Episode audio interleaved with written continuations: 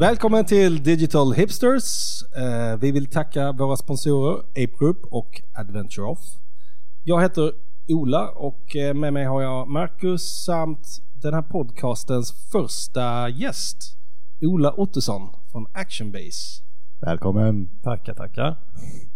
Och eh, vem är du? uh, ja, vem är jag? Uh, jo, men jag jobbar som uh, analysis director på ett företag som heter Actionbase. Uh, som är konsulter inom den här världen som vi ska prata om idag. Så dels marketing automation men även analys och CRM och rådgivning kring detta. Men med ganska stort fokus på analys och teknik kan man väl säga. Precis. Idag kommer vi prata om marketing automation i synnerhet. Mm. Det blir väl analys i i allmänhet. Det kan nog glidas in lite på det. det är ju ett ämne som vi har refererat till ganska mycket i tidigare avsnitt. Precis. Uh, men kanske inte gått på djupet med att förklara riktigt vad det är. Mm. Nej, och då tänkte vi att uh, istället för att vi ska sitta här och uh, komma med några så här, lite långbollar om det borde vara. Så bjuder vi in någon som är en expert på ämnet. Och, som talar om vad det faktiskt precis. är. Ja. Och kanske vad det borde vara också, som det inte riktigt är ännu. Men det här är ju ändå en,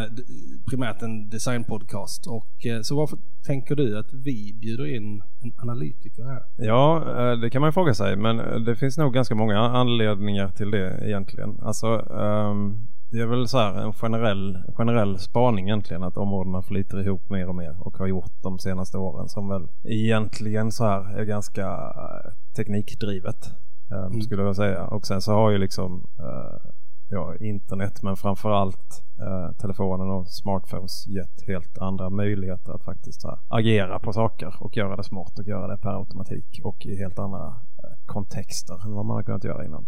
Mm. Eh, och då krävs det någonting i bakgrunden som faktiskt roddar allt det där. Just det. Men om vi går tillbaka till, eh, eh till din yrkesroll. Hur, mm. hur, eh, vad är din titel? Eh, min titel är Analysis eh, Director.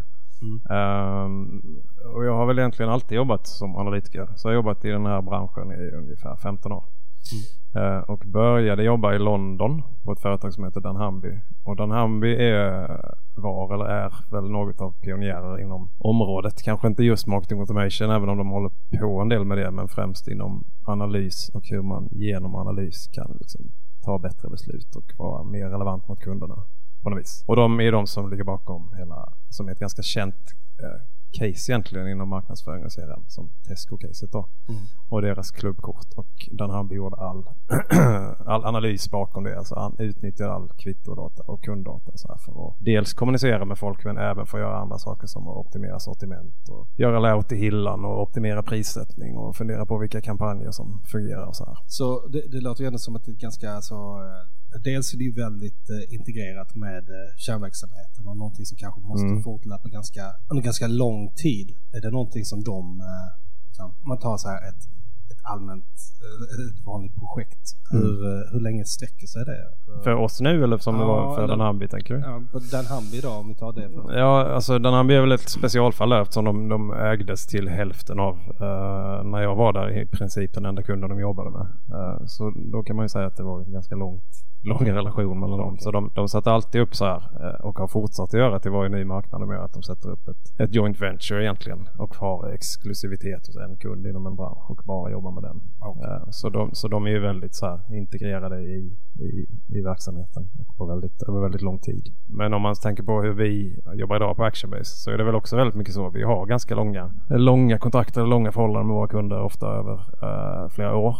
Uh, lite beroende på liksom, när i kundens egen fas vi kommer in och börjar hjälpa dem. För vi kan ju komma in så pass tidigt så att vi börjar liksom bygga alla förutsättningar för den som jobbar med detta. Alltså så att rätt data finns på plats och vi kan bygga um, rätt miljöer i, i databaser och koppla ihop data från olika system som, som vi sen då kan göra det vi egentligen vill göra på. Alltså analysera den och agera på den i någon form av kommunikation egentligen. Men sen sitter vi ofta kvar också och faktiskt sköter de här systemen och fungerar som analytiker och kampanjhanterare och lite annat. Så du är då analytiker i grunden men det är också den här yrkesrollen är väl ändå hyfsat ny eller hur ser det ut? Liksom? Um, ja, det kanske den är. Eller den, den, har i alla fall blivit väldigt mycket större mm. uh, de senaste åren. Uh, och det kommer väl en massa, en massa olika varianter på den också. Det pratas ju väldigt mycket om data science uh, nu till exempel. som Alltså, det, det, är ju alltid en viss begreppsförvirring kring sådana här saker. Men mm. om man ska säga någon skillnad på vad en analytiker och en data scientist är så är väl en data scientist kanske någon som mer kommer från programmeringshållet. Eh, som liksom själv kan så här, eh, applicera eh, sina metoder och modeller i, i mjukvara och kanske till och med utveckla mjukvara. Eh, så mer en programmerare än en analytiker och en, och en analytiker kanske kommer mer från statistikhållet egentligen. Mm. Eh, så man kan säga att eh, som ett företag som Den Hambi är väl lite, det är väl ändå någon slags, eh, och Actionbiz för den delen, en, en ny typ av, eh, vad ska vi säga, en hybrid någonstans mellan en, något av en eh, reklambyrå med en någon management consulting. Ja, eh, det kan man nog säga. Kanske, kanske mindre, i alla fall vi på Actionbase då, är ju, skulle nog inte kalla oss reklambyrå. Uh, våra uppdrag behöver egentligen sluta där färg och form tar vid. Sen kan vi uh, gå så pass långt så att vi kan briefa byrån utifrån vad vi vet från datan. Att, att så här funkar det och vi behöver göra någonting för den här, uh, för den här gruppen eller vi behöver ta fram material som har det här och det här syftet liksom utifrån det vi ser i datan. Men vi gör ju inte något av det själva så en byrå på det sättet är vi ju inte då. Nej, ni kommer bara med liksom, jag ska säga, briefer till, eller hjälper företaget att ta fram en brief till ja, när det gäller, vi producerar inget content. Så kan man säga. Ja. Okej, okay, men om man då tittar från utvecklingen från Dunhamby till mm. Actionbase. Mm. Uh, hur skulle du säga just inom området som du figurerar, hur det har utvecklats? Mm. Har, har man sett några liksom stora trender inom det här området på något sätt? Hur, hur, hur, hur ser det ut idag? Um, det, det, har man absolut och det finns väl hur, eh, hur mycket trender som helst på att säga men, men en stor skillnad är ju att när jag jobbade på den här i alla fall i början så använde vi oss i princip inte utav marketing automation system och vi var, det, det, var, alltså allt det vi gjorde var väldigt, väldigt resurstungt. Eh, vi satt i princip och så här kodade in och programmerade allting. Eh, alltså när vi skulle bestämma vilket, vilken person som skulle ha vilket erbjudande som det handlade ganska mycket om så var det extremt manuellt och vi hade liksom försäljningsavdelningar på uh, eh, 20-30 personer som sålde in erbjudanden till Tescos leverantörer och säga uh, ni borde ha ett erbjudande för detta och vi skulle kunna rikta det så här. Så allting var manuellt och byggde egentligen inte på så mycket statistik eller analys heller då. Förutom att man alltid följde upp det och såg vad som funkade. Men, mm. men inte på några slags statistiska intelligenta, intelligenta maskininlärningsalgoritmer eller något i den där stilen. Utan mm. det var extremt mm. resurstungt mm. kan man väl säga. Så det, det, är väl definitivt en trend att, att uh,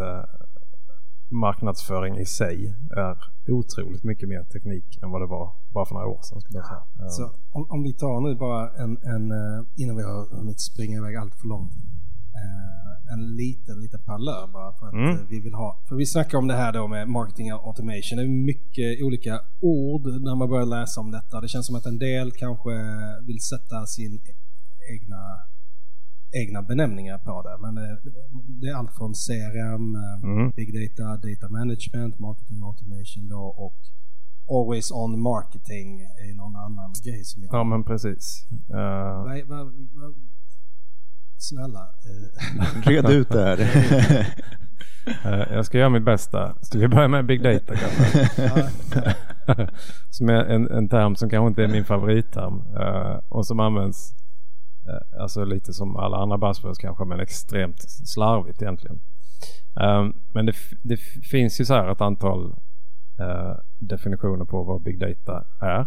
Eller många har försökt påsa det. Men det finns ju som ni kanske har hört så här. The, big, uh, the, three V's of big data. Och det finns varianter som är the four V's och the five V's och the six V's of big data. Men uh, jag tror det är Gartner som har kommit upp med det här från början då. Vänta, sa du vi eller sa du bi? Vi, som vi. är bokstaven V. Ja, okay. Så Gartner gjorde någon slags definition på det här. Och man, man kan väl egentligen säga att man pratade inte om big data förrän vi började så här, generera digitala fotspår. Egentligen. Det är väl där den typen av data som ofta anses vara big data. Men de här tre v då på big data är volume, variety och velocity. Uh, där volume då står för alltså, bara mängden av data, att det genereras så otroligt mycket mer data och vi trackar mycket mer.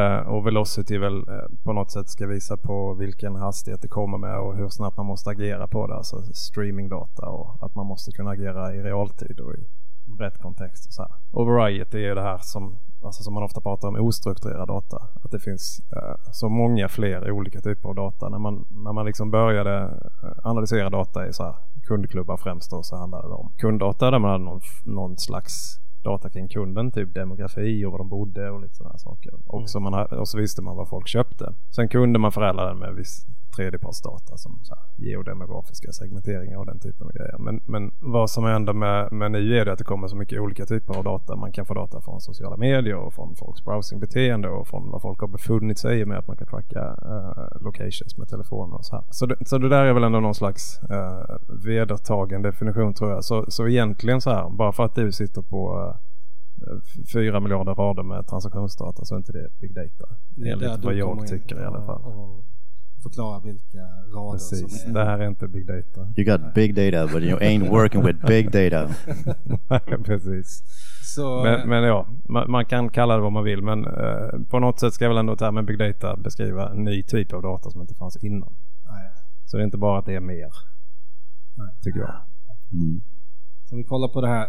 Man kan säga att det är ändå en, lite av det som har gjort lite förutsättningen för det, den här skiftet vi har sett nu. Att mm. företag vill jobba mer och mer med. Ja men absolut, det, det öppnar i alla fall nya helt andra möjligheter att mm. man kan göra mycket mer med marketing automation när man har andra typer av data. Och det gör man då kanske med ett annat ord som vi har dykt upp och det är ett CRM som vi har refererat till. Vi ja. i den här podcasten har ju tillskrivit CRM kanske lite magiska krafter emellanåt.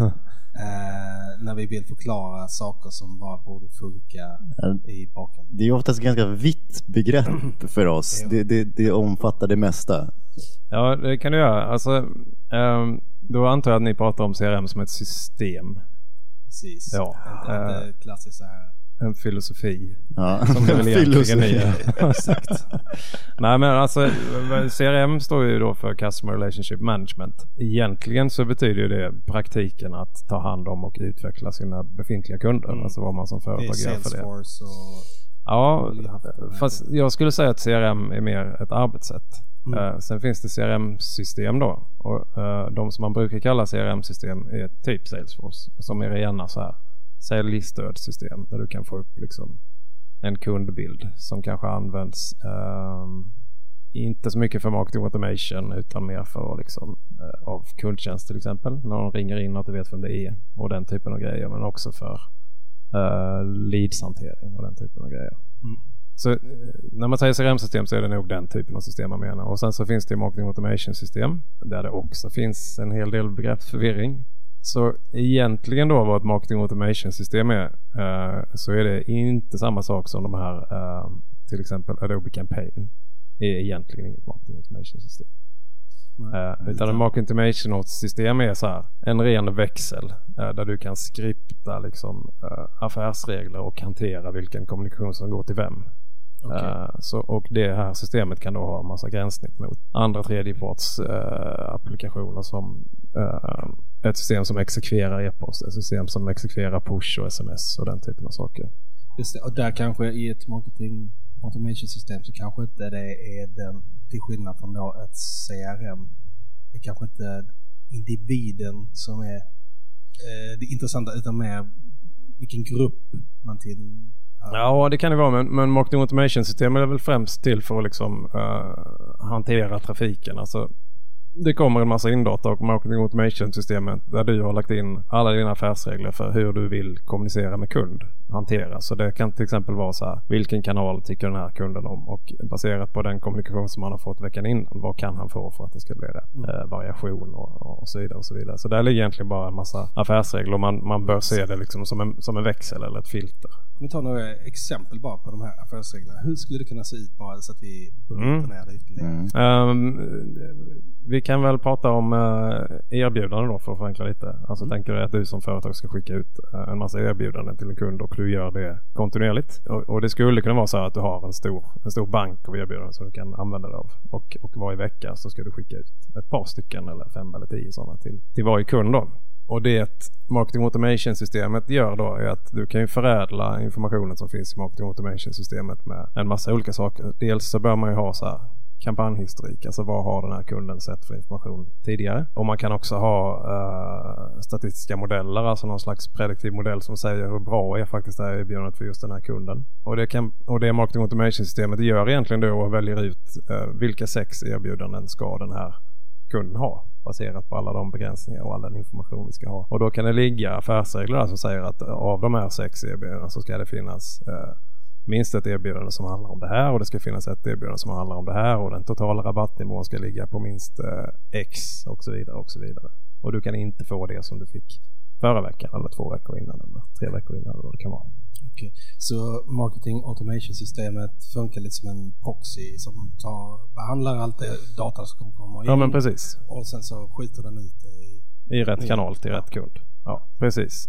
Sen finns det en, en nivå till då som är det som folk nog oftast brukar mena när de pratar om marketing automation system som är så här omnikanals kommunikationssystem som till exempel Adobe Campaign eller Salesforce Exact Target eh, eller IBMs variant. Eh, och de tar väl egentligen det börjar, de börjar väl flyta ihop lite också de här systemen. Men de här systemen tar väl ett steg längre då att man liksom kan planera kampanjer och du kan, du kan skapa kampanjer. Du kan göra mallar för e-post och eh, sköta väl lite mer och hela exekveringsbitarna, alltså att e-posten faktiskt går ut, ligger också inom ramen för själva systemet. Så de tar väl ett större grepp egentligen. De ska tillgodose mm. alla behov? Alla behov och push och pull och allting. Yes. Men, men om man då liksom där, nu har vi pratat om CRM, vi har pratat om eh, marketing automation system. Ser vi då att marketing automation systemen ersätter de tidigare CRM-systemen eller samverkar de här då tillsammans som ett sätt då för att dela upp användare och se till att de får rätt kommunikation skickad till sig beroende mm. på vad de tillhör och vad de har gjort? Ja, men eh, till viss del kan man också säga att de samverkar för många av de stora aktörerna inom det här området som eh, till exempel Salesforce och Adobe som, och IBM som alla tre har döpt sina produktsviter till Marketing Cloud. Eh, har ju både liksom CRM-system och Marketing Automation-varianter och, uh, mer avancerade kampanjhanteringssystem i där som är mer eller mer, mindre integrerade med varandra. Så, så, jag tror inte att ett system riktigt ersätter ett annat. Inte just nu i alla fall.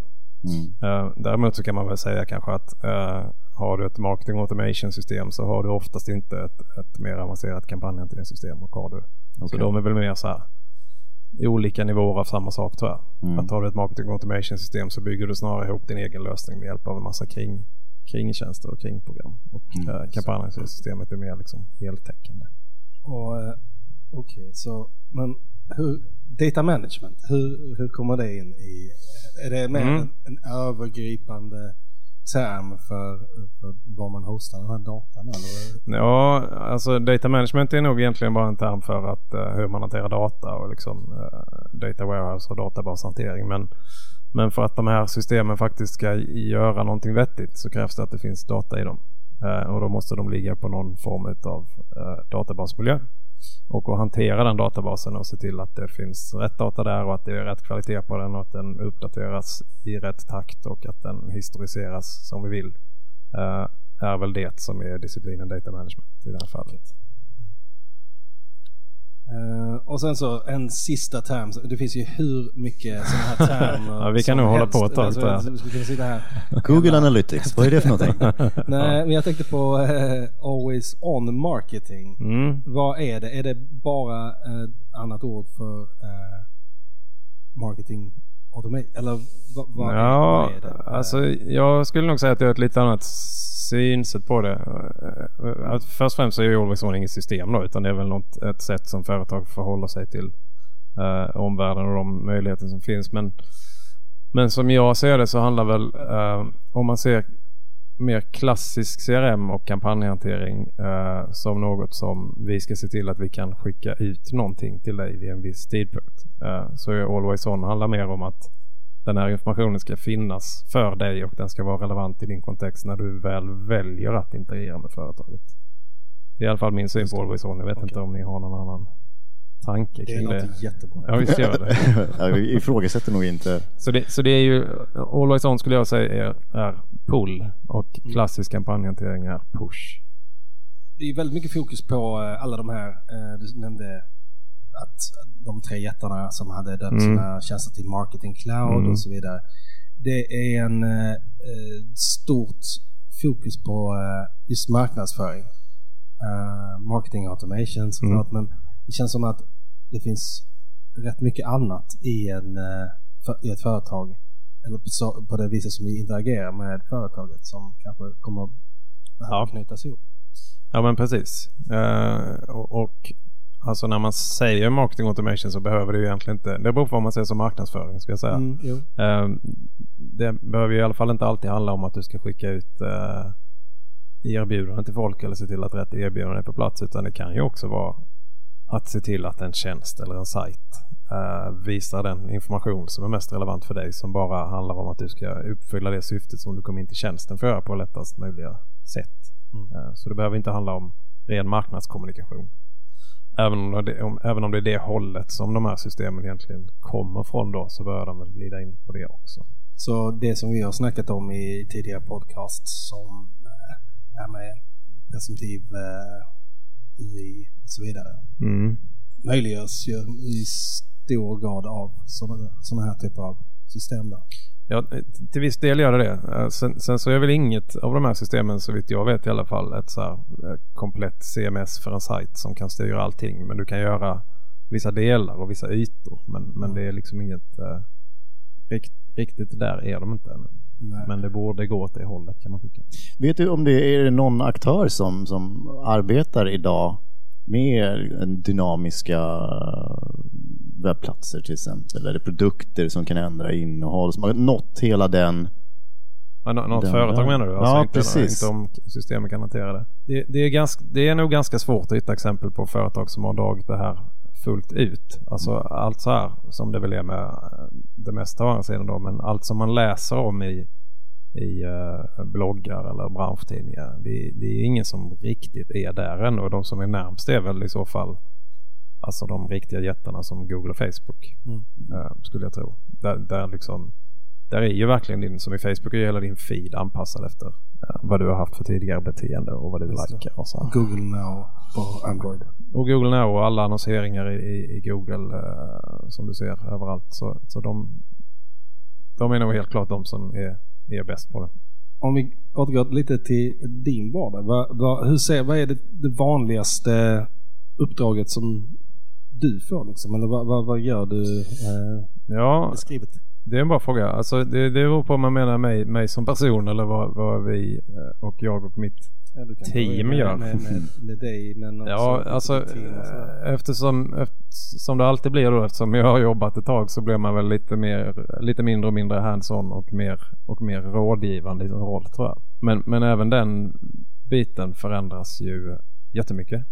I och med att det kanske tidigare handlade om att rådgiva vilken typ av eh, modell som funkar för den här grejen så handlar det kanske mer om, alltså allting har blivit så mycket bredare eh, mm. och, och, CRM kanske mer blir hela kundupplevelsen på något vis och, och, vilka system behövs för det här och hur behöver jag göra för att, för att tracka detta och hur hänger allt ihop så det, det blir nog rådgivning kring, kring sådana där saker som, som vi kommer ganska nära ert område också på ett sätt. Precis, det är någonstans mm. där vi möts i mm. någon slags user experience. Precis.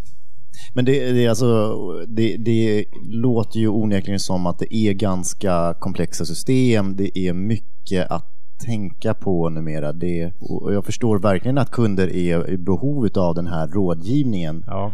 för, att, för att hitta rätt bland, bland um, dessa ja, typer av tjänster. Ja, men så är det ju. Och, och mycket av det där kommer väl också från att som vi var inne på redan innan, att marknadsföring har blivit så mycket teknik. Traditionellt sett så kanske inte marknadsförare uh, har teknik som sin främsta gren.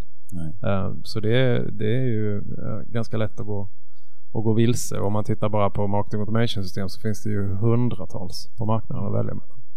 Så, så rådgivning blir nog en viktigare viktigare bit. Och sen är det ju mycket av det som, som man som analytiker uh, kanske tog betalt för, för ett antal år sedan kan skötas av system idag. Så det är också en anledning till att det glider mer och mer mot rådgivning då. Vilket av de här systemen ska man välja? Ja, till exempel. Mm. Uh, jag antar att du inte frågade det för att du skulle svara på Nej, vilket system det var. En, Nej. en retorisk fråga. ja. Um, men, äh, även om du har ett, ett snabbt ja, nej, svar. Jag, jag har inget snabbt svar på det. Alltså. Det blir mer och mer rådgivning kan man säga. Det blir, det blir mer rådgivning och det blir mer teknik. Ja. Uh, alltså implementationer, installationer av, av stora system och kassaintegrationer och, Så och den typen av grejer. För det låter, och när man har jobbat med den här typen av system, det känns som att det finns ju många utmaningar för mm. företag. Den här mm. omställningen. Det gör det. Så vilka är de eh, stora eller de största utmaningarna som företag vanligtvis ställs inför när du? Ja, om man börjar jobba med marketing automation. Ja. Um, det, det, finns väl ganska många. Den, den, första är ju såklart som vi var inne på redan. Hur, hur väljer man system? Uh, och då måste man såklart tänka igenom vad det faktiskt är man vill göra. För någonting som är enligt min erfarenhet i alla fall väldigt vanligt är att det är sällan man utnyttjar de här systemens fulla potential. Och de här systemen är heller inte helt lättanvända. Uh, eh, många av dem är nog att se mer som någon slags, alltså man, man, kan göra extremt mycket i dem men det är mer som en slags utvecklingsplattform och du behöver egentligen kunna uh, programmera för, för att kunna utnyttja dem fullt ut. Så det, det är ju helt klart en stor uh, utmaning att, att kompetenserna kanske inte finns för, för att ens hantera systemen. Men, men sen finns det väl en massa andra saker också. Alltså, den stora poängen med systemen är väl egentligen att man ska kunna differentiera eh, någon slags kommunikation eller innehåll eller erbjudande ut till kund. Eh, och det kräver ju också ganska mycket. Dels så kräver det extremt mycket i form av content.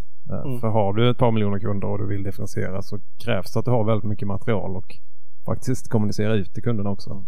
Så är det vanligt att företag kanske tänker så här, det här marketing, nu har vi marketing automation på plats. Nu, nu är det löst. Nu är det löst, det mm. självspelande piano. Ja, det är ganska vanligt och, och, och, systemet i sig är egentligen ingen lösning överhuvudtaget utan det är mer att det, det möjliggör att jobba på ett visst sätt. Ja. Uh, men det kräver ju också väldigt mycket av, av uh, användaren och företagen. Man har inte automatiserat själva genereringen av innehåll utan uh, det Nej, och, det, och, och, och även att bygga upp alltså automatiserade processer och flöden och hur man ska kommunicera med folk. Det, det kräver också en hel del. Både alltså att fundera ut hur det ska fungera men även rent eh, tekniskt att få det på plats. Alltså om man tittar, ni, ni har säkert sett eh, klipp över hur enkla de här systemen är att använda.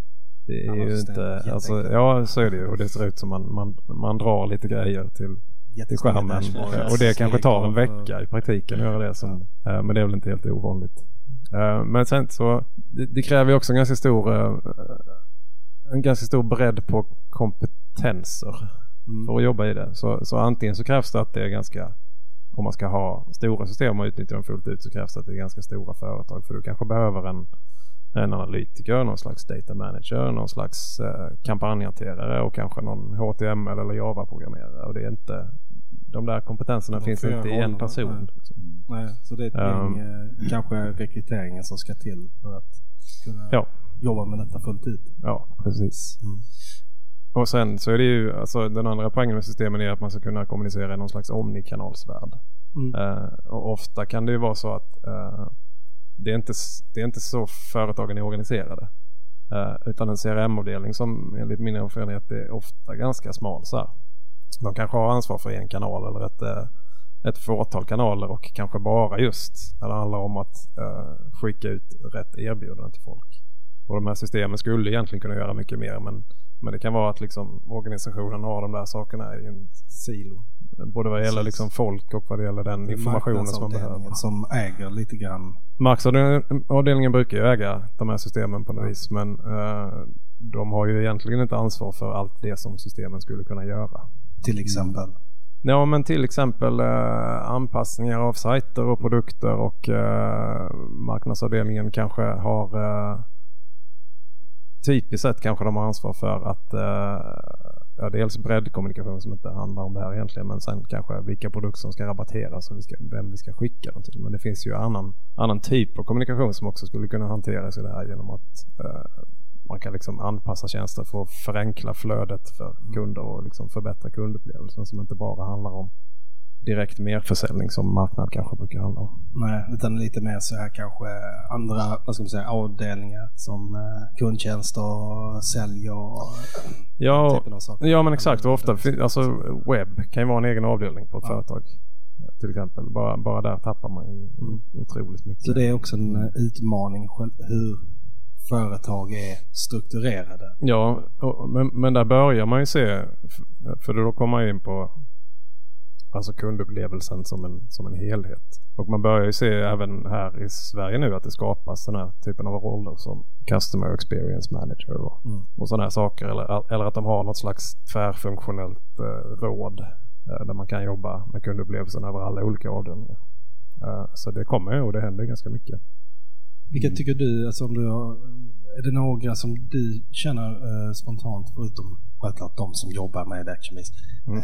men som du eh, känner eh, är speciellt duktiga på detta?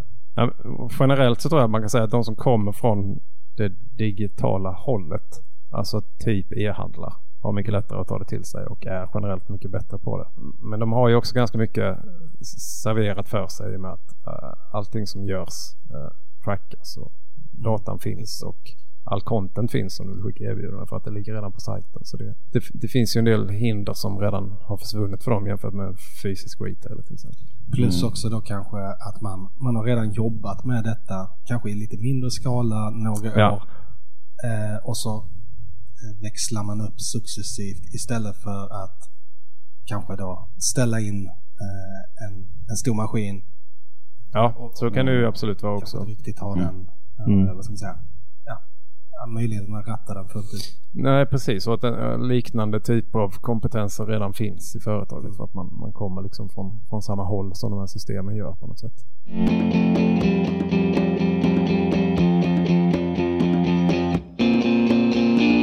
Men om vi då pratar om din erfarenhet och, och de kunderna du har jobbat med. Nu ska vi inte liksom så kanske gå in för mycket detalj på dem, men hur mycket skulle du säga är det just eh, e-handlare? Hur mycket är det annan typ av verksamhet som du ser idag eh, har tron på de här typen av system och, och har kommit igång och börjat arbeta med dem?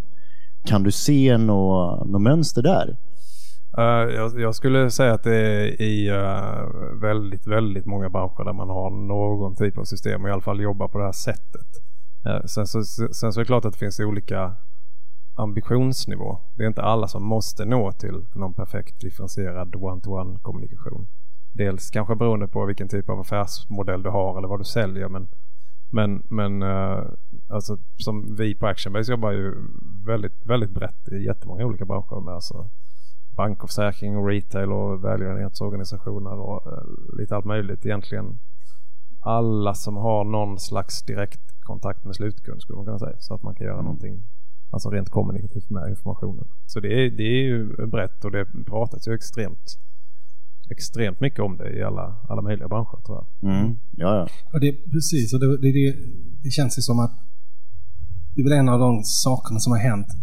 Du var inne på det, dels det här med att mobiltelefoner, alla smartphones mm. har möjliggjort det med alla mm. sina sensorer. Eh, vi har den alltid på oss mm. Eh, och så vidare. Men det, det, känns ju som också att eh, det har skett en allting ska vara ett, ett, ett nytt tankesätt ja. inom bland eh, marknadsavdelningar där allting mm. ska vara kvantifierbart.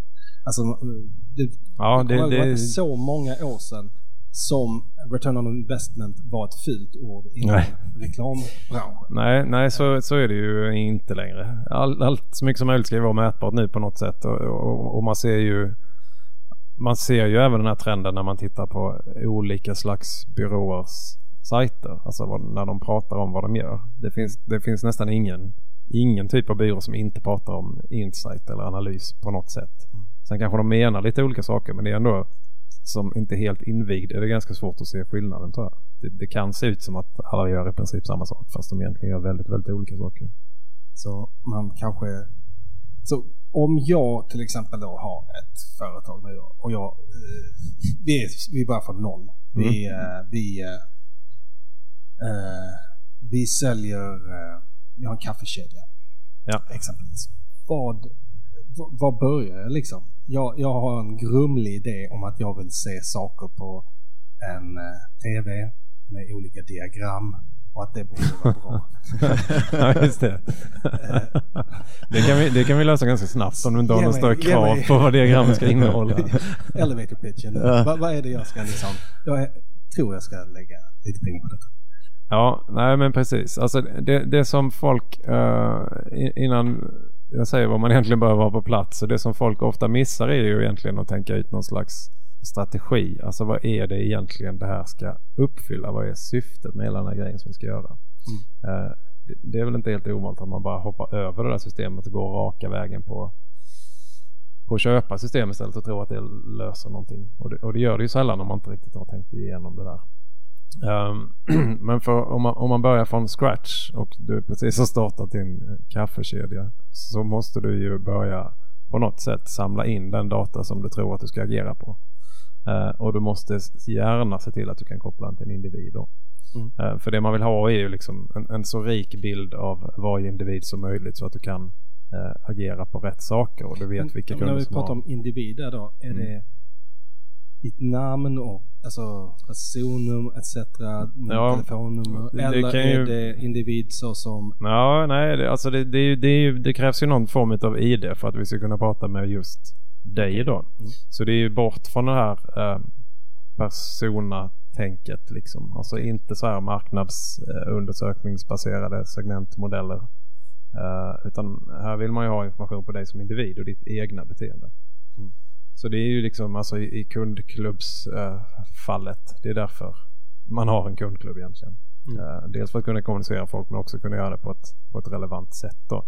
Sen kommer ju om, om, du hade haft din eh, kaffehandel på, på nätet så kommer du ifrån allt det här för där registreras ju allting per automatik. Men det har jag inte nu då. Nej du har ju inte det då. Så Nej. då får du väl skaffa någon slags kundklubb till att börja med eller en, en app eller vad som helst där folk faktiskt kan.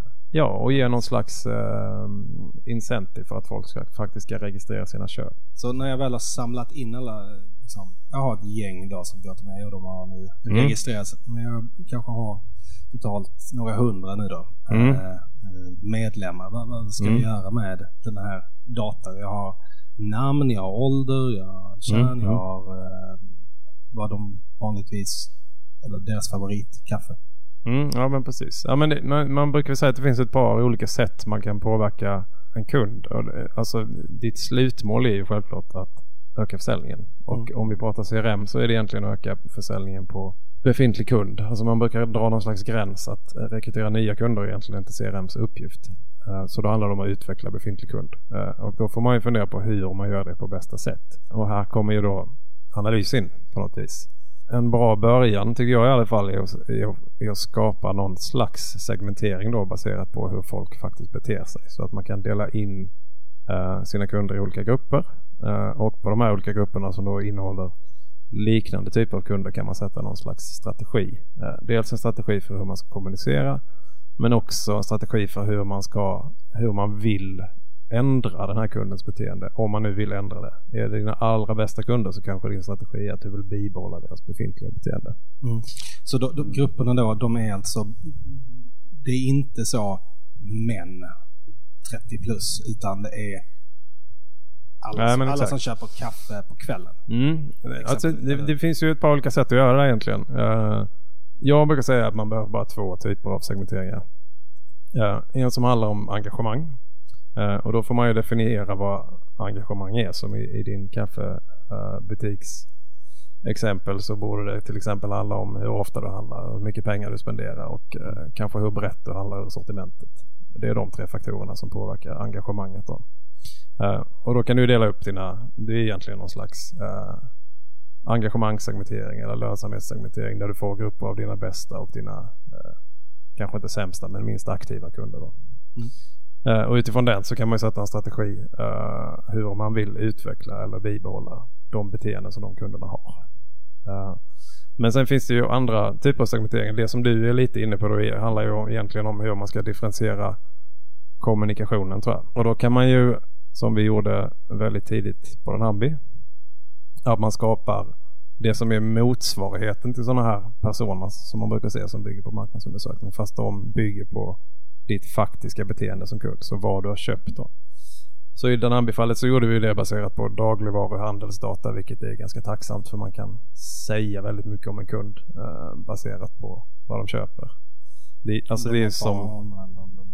Ja, så alltså det, om man tänker sig att man står efter någon i kön på ICA och tittar på vad de handlar så, så drar man lätt lite slutsatser om vilken typ av person det är. Och det är det man kan göra analytiskt då. Så man får ut olika grupper av... Sju fryspizzor och... Ja men exakt. Till exempel. Nej men det, det, då, då, kan man ju skapa grupper av att, att vi kan säga att den här gruppen lagar alltid mat från, från grunden. Och den här gruppen köper eh, färdigrätter. Eller den här, grunden har, den här gruppen har en väldigt tajt budget. Och utifrån det så kan man då eh, anpassa hur man pratar med de kunderna. Okej, okay, men hur... Eh, det är en sån sak som när man har jobbat med de här eh, analysbiten en del i en designprocess mm. så blir man ju ganska eh, varse om att det är väldigt enkelt att eh, se saker som har funkat bra eller dåligt eh, tidigare. Det blir, mm. går inte att mäta saker som inte finns. Nej. Och hur, hur liksom... Hur mäter man saker som inte finns? Ja, till exempel hur vet vi att vi till exempel skulle behöva ta fram en ny kaffe? Mm. Uh, ja men precis. Så där kan man ju igen då egentligen använda sig av, av uh, de här segmenteringarna som vi redan har byggt då för din, din kaffekedja. Där vi vet att vi har uh, olika typer av kunder. Nu är ju kaffe ett ganska smalt exempel då. för det är en liksom, metafor. ja, precis. Men om man igen tänker på hur folk handlar i en retailmiljö då. Och vi vet att vi har våra olika kundgrupper och vi har en massa olika kategorier av produkter då. Man brukar ha någon slags produkthierarki där du kan klassificera dina produkter i olika typer.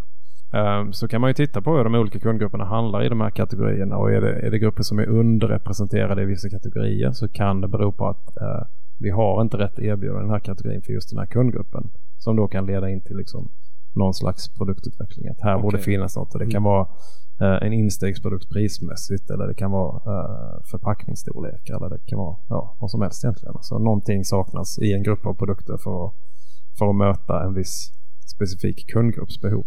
Och hur vanligt är det att liksom ni eh, bistår företag med den typen av uh, insikter, alltså produk produktutveckling? Och... Ja, men inte helt ovanligt. Uh, jag har gjort ganska mycket jobb inom sånt där som, som kan leda till att uh, Eh, från andra hållet också att man faktiskt rationaliserar bort produkter. Eh, okay. Som, som ju egentligen är klassiskt sett bara har gjorts genom att titta på uh, en försäljningsfördelning. Man tar bort de tio produkter som, som säljer sämst.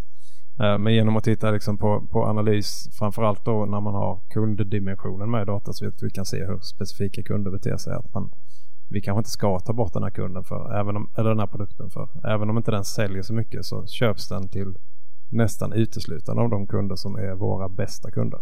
Så om mm. vi tar bort den här produkten så kanske de lämnar oss på grund av det och går någon annanstans och vi förlorar resten av deras varukorg också. Lite som uh, Ikeas uh, billiga plastmuggarna som man har vid gångarna liksom. Man bara ska plocka på sig. Till exempel. Mm. Till exempel.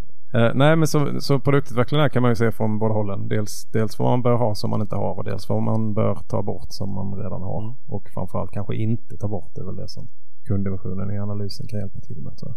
Ja, det, måste säga, det tycker jag det är det mest spännande med marketing automation och hela insiktsbiten med det hela. Mm. Som en produktdesigner eh, idag så, så, så bildar vi ju oss uppfattningar väldigt mycket om, mm. om vad vi tror är fel. Om vad vi tror behöver åtgärdas. Ja men precis. Men det blir väldigt ofta kanske svaga antagningar. Ja, men, men, och där kan man ju också tänka sig någon slags här, om man gör en mjuk lansering av en produkt eller släpper den till en begränsad publik, att man har koll på vilken den publiken är och att man ser till att det finns alla de här olika kundgrupperna representerade i den publiken så att man kan följa upp det och på, på så sätt egentligen räkna ett, äh, ett mycket bättre business case på vad, vad kommer det här att ge egentligen. Det känns ju också som att det är en, eh, en sån sak som har blivit sådär. Det har blivit mycket mer krav på att man ska ha hela det här business case-tänket från ett tidigare skede än att mm. man ska kanske eh, man går lite på magkänsla och se var man landar. Mm. Eh, ett par miljoner kronor senare. Jo men absolut.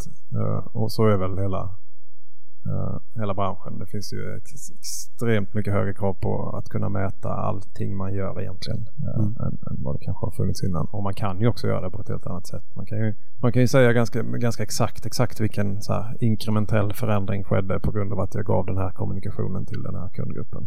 Uh, det, det, är en ganska stor del av det vi gör att vi att vi mäter och testar och eh, gör AB-tester och multivariata tester för att faktiskt göra saker bättre i nästa skede. Då. Och den typen av funktionalitet finns ju också inbyggt i marketing automation-systemen.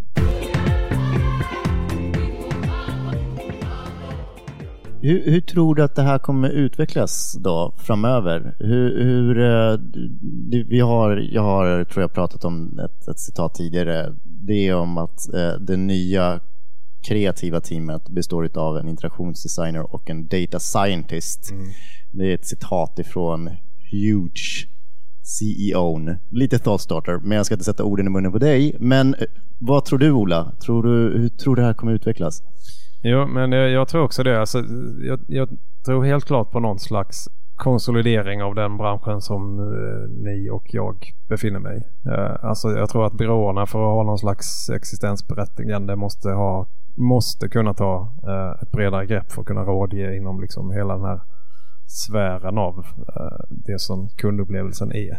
Så det tror jag absolut kommer hända. Och, och från, från liksom mjukvarusidan eller systemleverantörssidan så, så är det, håller väl alla leverantörer fortfarande på att försöka få till det här heltäckande systemet. Och, och än så länge så består ju många av de här systemen av olika delar som, som de har köpt in som är mer eller mindre integrerade men det finns väldigt mycket kvar att göra där för att det ska bli helt sömlöst tror jag. Mm. Uh, nu... De är så jättestora och det är så, så extremt uh, stora investeringar mm. uh, i sådana där system hur tror du liksom att, för att just nu, och det har även Ape har man ju ofta, tillskriver man vissa personer eh, anal analytikerrollen, vilket är fine. Liksom, den analytiska förmågan hos samtliga kommer förmodligen att höjas. Alltså att, att kunna ja. avläsa den här typen av saker snarare än att man ska ha en person som kan läsa och skriva på varje avdelning. Ja men så borde det bli. Men det, men, det, men det finns ju också olika nivåer på det där. Jag tror att, att, att eh, väldigt många måste höja sin nivå vad det gäller att faktiskt vara mottagare av analys och kunna liksom uh, veta vad man ska göra med en analys och hur man ska kunna agera på den men kanske inte göra analysen från början. Men jag tror att att företag kommer ju bli mer och mer datadrivna då, och då behöver ju liksom olika kompetenser och roller uh, inom ett företag veta hur just de ska förhålla sig till data tror jag. Därmed är det inte sagt att de, att de blir analytiker. Det är väl också en sån uh, utmaning som jag tänker många företag kanske uh, står inför. Alltså att hur ska man då mm. ta, sig till, ta sig till att jobba med det här kontinuerligt? det saknas någon som, eh, jag vet inte om du upplever det, att någon som tar över kanske stafettpinnen. Eh. Jo, men, men så kan det vara. Men det, det, det handlar väl mycket om att göra rätt information tillgänglig tror jag. Mm. Ja, och det, då är väl kanske till, till viss del så sköter väl marketing automation-systemen och det där. Men då, då kommer man ju mer in på någon slags rapporteringssystem kanske. Att, ja. att rätt typ av information som är anpassad för dig i din roll ska, ska finnas tillgänglig och du vet vad du ska göra med den. Men sen också när det väl är uppe och snurrar så kanske det blir... Eller finns det då inte en risk att man kommer in i någon slags förvaltningsmode? Jo, det gör det ju absolut. Alltså den här ständiga förbättringen är ju någonting som man måste kämpa för att få till. Men det, och där finns det väl även andra risker med liksom hur man hanterar de här systemen. Det, någonting som man ser ofta är ju att när när folk i olika avdelningar vet att det här finns på plats så blir de extremt intresserade av att skicka ut saker. Och det mm. finns liksom inget så här. Det finns ingen tydlig mottagare av allt det där vilket gör att man, att man bara uh, ja men i princip uh, spammar. Som aldrig är någon bra, någon bra lösning. Uh, men, men det är ju också det är en effekt av att det inte, egentligen inte kostar någonting att skicka ut saker digitalt på samma sätt som vi kanske gjorde innan när man skickar det postalt. Men, men man bör väl se det där som att en, en kon varje kontakttillfälle med kunden ändå är någon slags kostnad och du har begränsat många som du kan använda dig av. Lite beroende på vem just den här kunden är men, men, men så är det ju absolut. Okej, men om vi återgår till det här med eh, branschspaningar. Vad, vad ser du liksom? Eh, Nej, men det, det, det, finns ju en, en, eh, en nisch av det här som är väldigt på ett sätt väldigt närliggande men kommer från ett annat håll som är mediaköp. Uh, och framförallt så tänker jag väl då på Programmatic som, Eh, som nu använder väldigt mycket samma modeller som folk som jobbar inom CRM gör. Eh, fast man gör det i en annan, i en annan kanal. Eh, man använder annan data men det är egentligen samma principer bakom. och, och, där kan man väl också fråga sig hur de här två ska förhålla sig till varandra och det börjar ju eh, bli så att eh, alltså mediaköpsystem och CRM-system börjar dela information med varandra för att man faktiskt kan koppla ihop en individ med dess beteende på, på nätet och därmed få en mycket eh, rikare bild. Men de är än så länge ganska vitt skilda men eh, kommer... Borde kanske inte vara det. Och, och, och där har ju Googles nya Google Analytics 360 har ju en del av de där grejerna i sig. Däremot så har de inget, vad jag förstår än så länge, marketing automation system. Men de har system för att köpa media. Men de är ju de har ju alla förutsättningar för att kunna göra något väldigt, väldigt bra av det där om de hade lagt till den dimensionen också. Mm. Som jag är en av de andra som har någon sån här marketing cloud företagen då borde du vara lite orolig för Google. ja. Gratis dessutom. ja men precis. Jag har en sak som jag tyckte bara så här framtidsbarn. Mm. Om vi återgår till det här målet. Mm. Okej, okay, alltså en annan sak eh, gällande det här, eh, vad ska man säga, framtidsförändringarna. Eh, det är väl lite grann hur företag jobbar med sin data. För Mm. Så som man har förstått så är det ju väldigt mycket smutsig data eh, i eh, gamla legacy-system. Hur kommer det liksom, jag menar, när man ser den här, de här framtidsvisionerna om hur allting bara kommer att integreras och ja. snurra så, så grusas det ofta ganska snabbt med att man sitter på något föråldrat system, eh, datan är eh, smutsig eh, mm, mm. och hur, hur, liksom, hur tar, man sig ur det och hur kan man liksom börja använda eh, den datan? Eller? Ja, alltså eh, jag skulle nog egentligen säga att det här med smutsig data är ett större problem nu än vad det var förr. Okay, uh, det är inte den gamla datans fel? Jag, jag, tror inte det. Jag, jag, tror snarare att den, den data man trackar nu är inte riktigt lika pålitlig som det var förr när det egentligen typ var att man fick uh, information direkt från kassasystemen som är väldigt, väldigt pålitlig. Men, men nu så trackas det på, ja, med, med till exempel beacon som kan ligga uppe och ligga nere och det, det, det, det, finns mycket, mycket mer osäkerhet i, i datan som man får nu. Så man bör nog eh, i större utsträckning än innan tror jag veta vad man faktiskt gör och eh, vilka slutsatser man, man vågar dra från data tror jag. Okej, okay, så veckans tips denna vecka då från vår gäst Ola Ottosson, Base. Vad har du för något tips då eh, till folk som kanske vill sätta igång och känner sig lite inspirerade här nu och, ja. och jobba på ett företag och börja jobba mer datadrivet? Ja men precis. Om, man skulle, om man ska sammanfatta lite det som jag pratat om så tror jag att det bästa tipset är att eh, om man vill börja jobba mer eh, datadrivet och mer, med mer differentierad kommunikation så ska man börja med att fundera igenom sin strategi och vad det faktiskt är man vill uppnå och inte börja med att köpa ett system. Utan istället anpassa eh, vilket system klarar av att möta de behoven jag har i min strategi. Jättebra tips. Tack Ola. Tack så Tack. mycket.